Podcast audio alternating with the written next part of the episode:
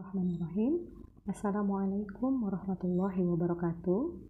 Sahabat muslimah katulistiwa yang dirahmati Allah, berikut adalah resume rubrik opini muslimahnews.com 17 Maret 2021 diambil dari tulisan Nindira Aryudani SPIMSI Koordinator Lentera berkenaan dengan kemelut investasi harta karun bawah laut dengan presume Neng Erlita NSTP.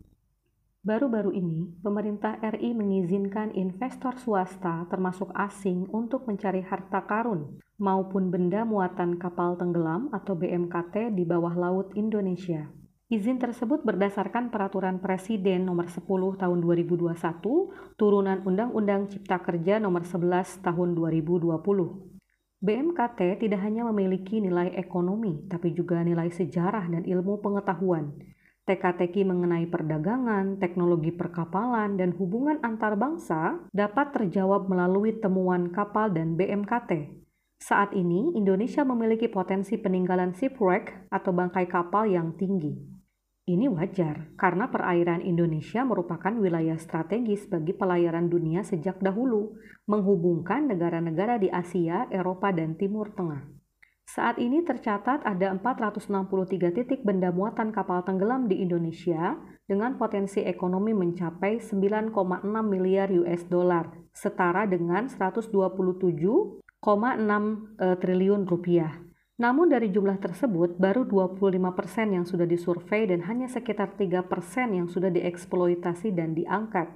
Iklim kapitalisasi yang disuburkan sistem demokrasi di negeri ini telah memfasilitasi keserakahan para pemodal. Banyak ketidakjelasan pengelolaan harta, bahkan tak sedikit praktik-praktik yang diharamkan.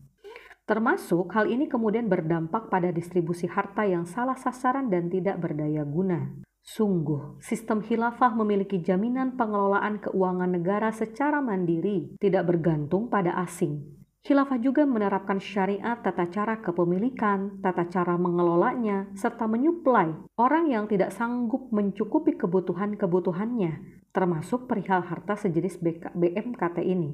Dalam kitab Al-Amwalu fi Daulatil Khilafah disebutkan riwayat dari Abdullah bin Amr radhiyallahu an bahwa Nabi Shallallahu alaihi wasallam ditanya tentang harta yang ditemukan di negeri yang telah porak-poranda. Beliau Shallallahu Alaihi Wasallam bersabda, di dalam harta tersebut dan rikas ada humus.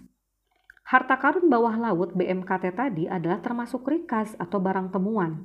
Pengelolaan rikas telah jelas, yakni digunakan secara khusus untuk mengatur kepentingan kaum muslim serta kemaslahatan mereka sesuai pendapat dan ijtihad khalifah. Jadi, sangat keliru jika penguasa malah memberi jalan investasi atau bahkan privatisasi swasta atau asing dalam pengelolaan harta karun bawah laut ini.